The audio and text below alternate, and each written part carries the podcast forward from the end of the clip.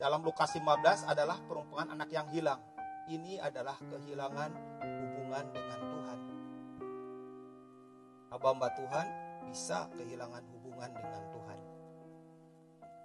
Apa cirinya orang yang kehilangan hubungan dengan Tuhan?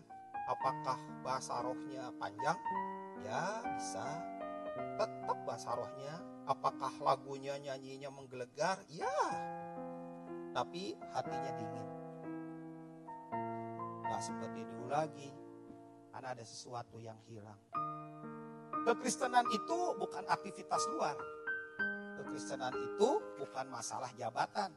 Kekristenan itu adalah masalah hubungan.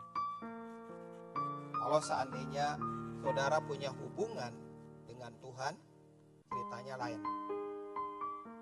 Hidup kita makin terbuka, makin transparan, makin bening. Gak ada yang ditutup-tutupin.